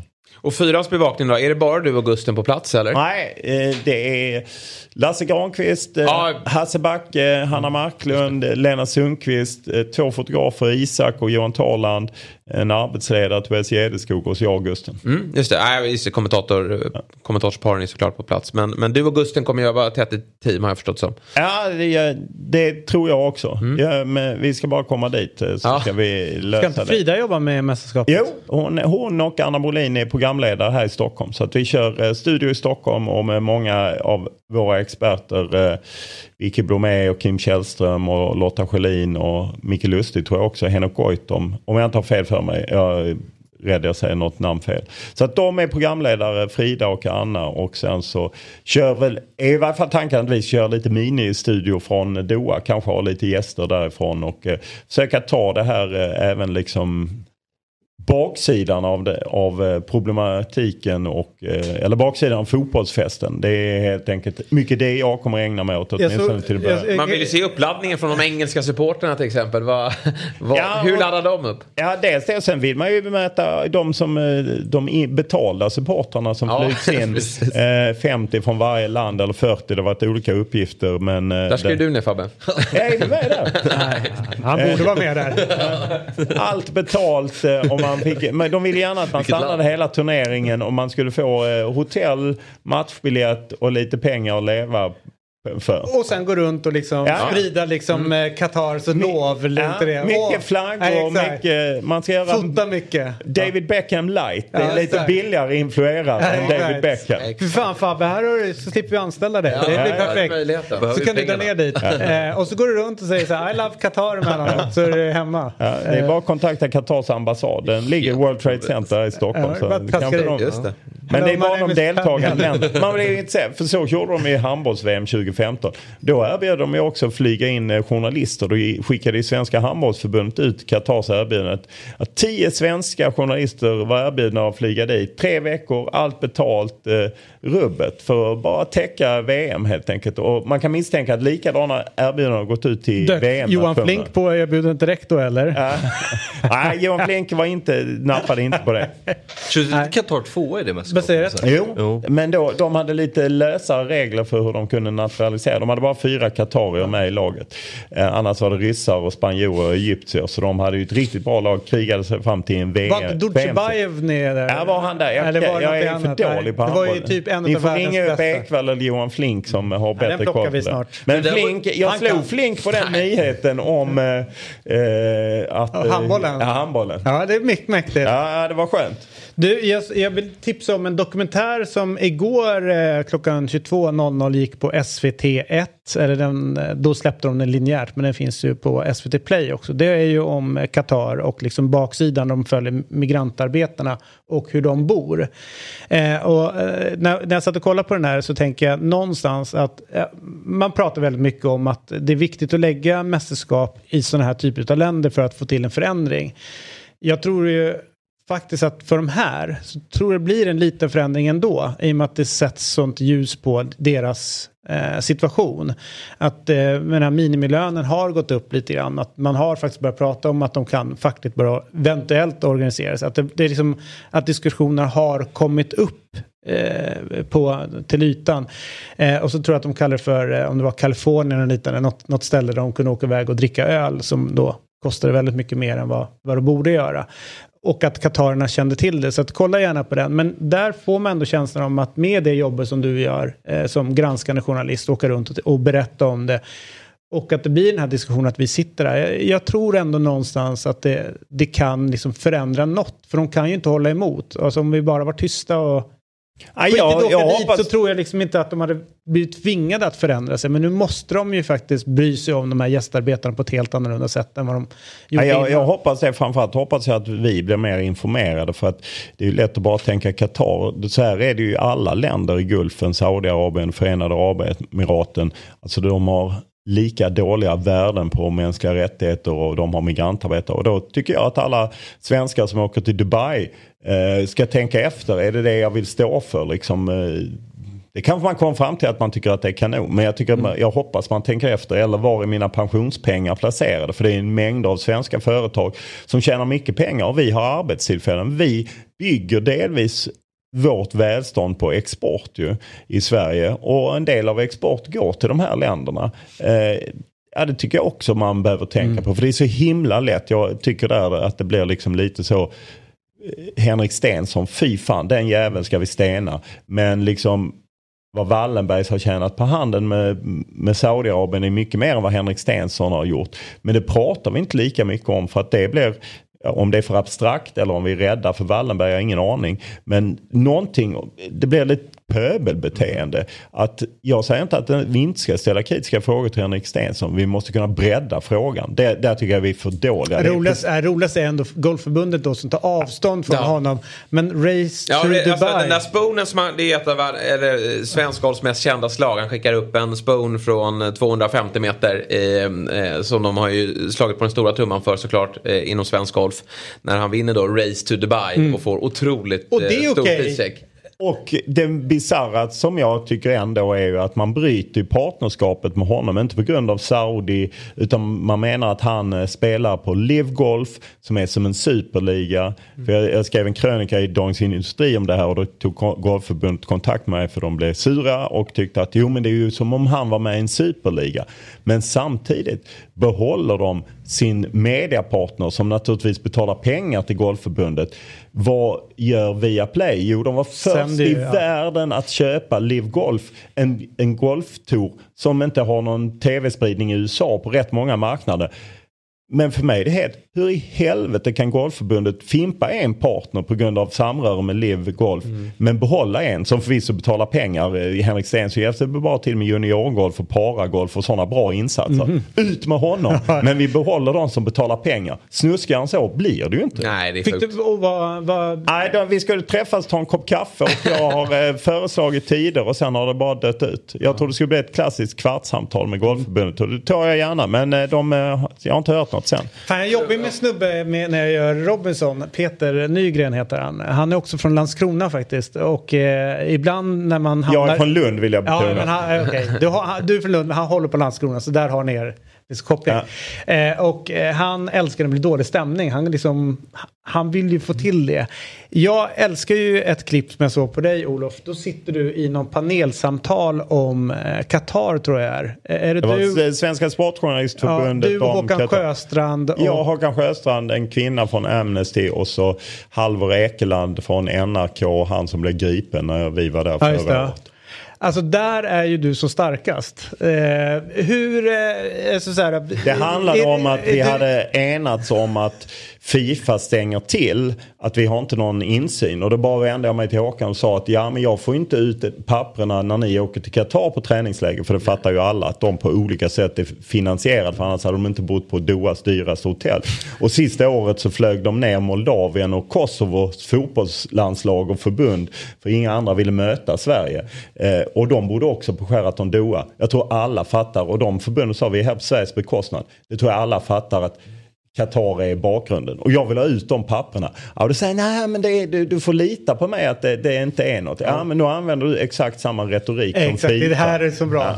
Ja. Och då kom sen Halvor Ekeland in från sidan och berättade att i Norge så har idrottsrörelsen ändrat där. De lämnar ut mycket mer papper till journalister. Och då kan man ju säga att Håkan kom av sig. Ja, och det tyckte du var väldigt bra information där och då. Det var Ja, väldigt det var bra. intressant. Jag visste ja, inte om jag det men det blev, det blev oerhört roligt. När Eh, var och då, eh, Den var det 13 oktober. Det ligger på YouTube. Ja. eh, Eller Johan Kücükaslan som älskar sånt. Han la ut det på Twitter. Det är inte jag som har gjort. Men han har lagt ut det på Twitter. Fantastisk eh, sittning ändå. Och om ni bara vill så här...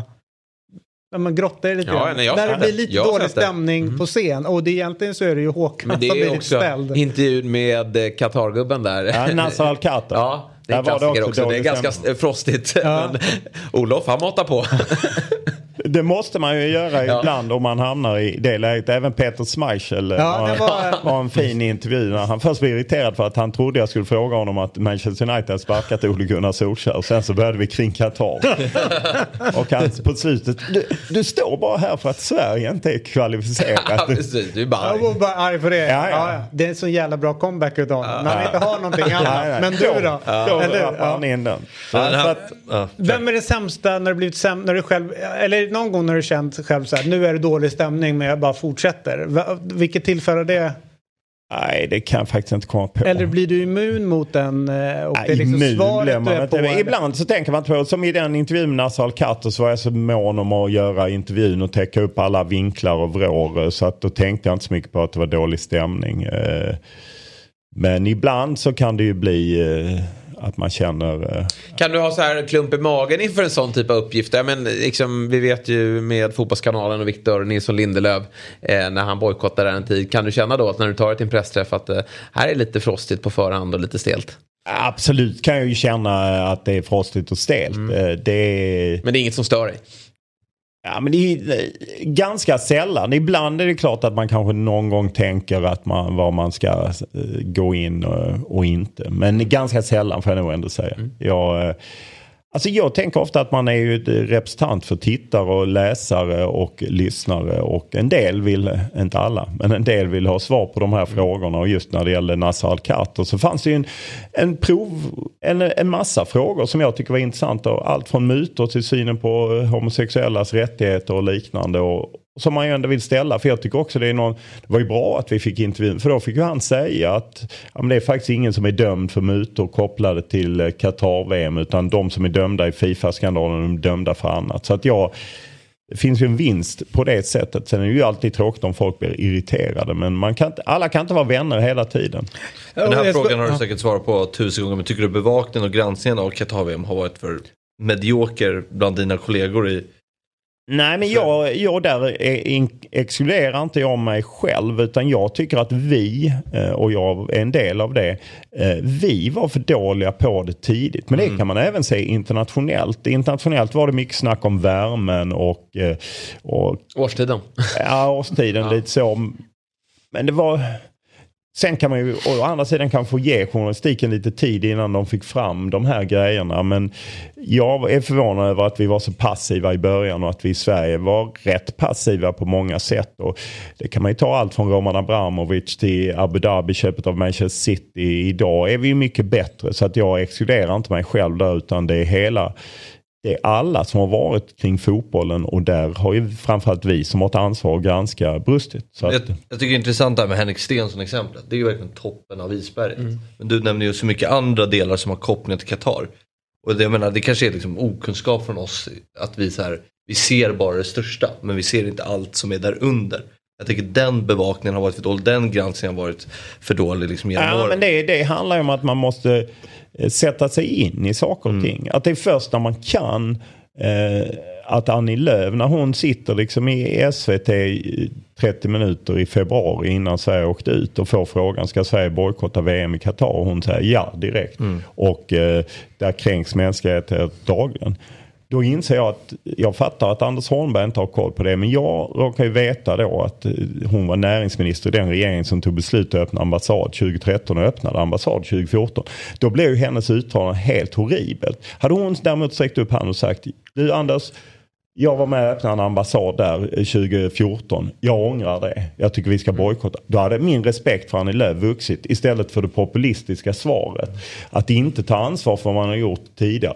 Och det är naturligtvis skitsvårt att hålla koll på det. Särskilt om man håller på med politisk journalistik där det är liksom, ja, de ska ju ha en 360-blick som knappt går så att säga. Men sista frågan, hur långt, eh, alltså eh, nästan i alla länder som har varit tveksamma som har sagt så här, men det här är okej, vi, vi kan gå med på det. Alltså att det avgörs i det här landet eller det är hanterbart. Vi åker ner och granskar lite grann. Men när går det för långt? När känner du liksom din moraliska kompass någonstans att ja, men nu, nu har fotbollen eh, vridit det allt för långt och långt ifrån det som vi faktiskt kan stötta. Här, drar jag min, här är min röda linje. Ja, jag, på ett sätt önskar jag att jag säger att liksom, ja, men det som Ryssland gjorde nu mot Ukraina eh, är ju att ha passerat det för långt. Men då är det ju bara att gå tillbaka fyra år i tiden när vi lät Ryssland ha fotbolls-VM och de har även haft EM-match för några år senare trots att de hade gått in i Krim eh, och tagit Krim. Och att, eh, så inte ens där gick uppenbarligen min gräns eh, och inte många, många andra som eh, var flytande gränser. Det är ju liksom realpolitik. Jag tycker det är Eh, jag önskar att det vore lätt att sätta en gräns men jag tycker att det är väldigt svårt att sätta gränser eftersom vi är, lever i det här globaliserade samhället där vi gör massa grejer med Kina och eh, med olika länder och det är lite godtyckligt. Ja, men Belarus, där gick det för långt. Vi tar hockey-VM. Det var ju naturligtvis jättebra att man gjorde det men var drar man gränsen? Saudiarabien är inne i Jemen och krigar. Israel förtrycker folk i Palestina. Ska Israel vara med och spela fotboll? USA, Irak 2003. Det var ju liksom inga diskussioner. Ska de kastas ut ur idrottssamfundet? Det här är skitsvårt. Det, det, det är ju det som är just att det är svårt. Det finns inga tydliga gränser. Har du några gränser Jesper? När du känner, ja men nu kollar inte Ja, jag. men man har säkert gränser men så är man ju en hycklare för att man har liksom inte tagit avstånd till det. Men för mig handlar det hela tiden om att lära sig mer saker. Jag är inte lika dedikerad i de här granskningarna som Olof är. Men, men när jag tar del av dem så, så vrider det sig i, i magen. Men eh, det, är, det är svårt att, att uh, vifta upp en gräns här nu. Då kommer någon ta mig på Ja, det är det som är det Orden svåra. Så tidigare. fort man flyttar en, en gräns så är det jättesvårt eh, på det sättet. Ja, innan jag går ska jag bara slå för Stora Nygatan 7 ikväll Ja. 18.00. Och sen imorgon i Lund om man är sugen. Studentafton med VM-tema. Jag och Simon Bank eh, på AF eh, 19.00. Bra. Vilka vinner fotbolls-VM? Brasilien. Eh, t- känns vassa i kvalet. Eh, Rafinha är grym. Eh, och eh, ja, men jag tror, eh, jag tror Brasilien och Argentina. De, Ja, de eh, europeiska länderna känns bra. England känns ju inte alls lika bra eh, och mycket skador. Det är oroande med så mycket skador att de har haft det här tajta spelschemat. Att det kommer liksom Många trodde ju att nu när det ligger mitt i säsongen, det är kanske kanon. Men det verkar ju vara väldigt mycket skador och så. Danmark verkligen- lite outsider. Ja, precis. Man glömmer lite det med fotbolls-VM. Säsongerna vanligtvis då spelas det, drar det igång mitten på juni och, och säsongen slutar mitten på maj. Sen är det Champions League någon vecka till. Eh, och sen har ju Europaspelet för många lag slutat långt tidigare. Men nu är det liksom VM drar igång veckan efter. Eh, och det är väldigt intensivt så många kommer ju slitna istället. Och hinner inte läka ihop skadorna. Nej, det är ju liksom, jag menar en del spelar på söndagen och så åtta dagar senare ska de ha flugit till Ja. Doha, tränat och eh, kanske spelat någon träningsmatch och sen ska de rakt in i matchen. Och där är det ju, eh, VM-turneringen är ju lite kortare än vad den brukar vara också.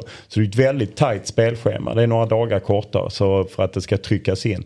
Så eh, ja, men jag hoppas, eh, det hade varit kul med Brasilien. Eller Argentina kanske Lionel Messi skulle få den där VM-pokalen. Ja, jag börjar. Det, det Men nu när jag såg att de hade tagit fram, hade alltså tagit fram någon specialsko som var som hans första sko och hans första VM. Då, då, Då då, tror, eh, ditt hjärta. Nej, då, då gick topplocket. Där gick min gräns. Där gick gränsen. Ja, helt rätt. Helt Ja. rätt.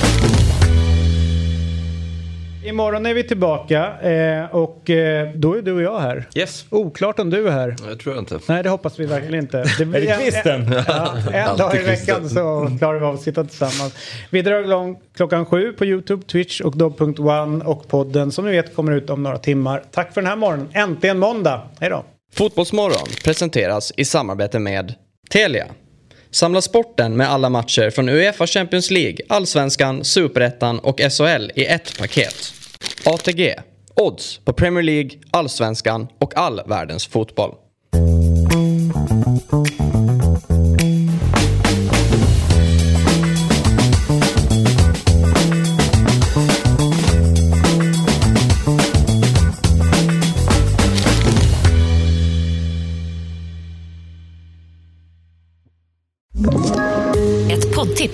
Podplay.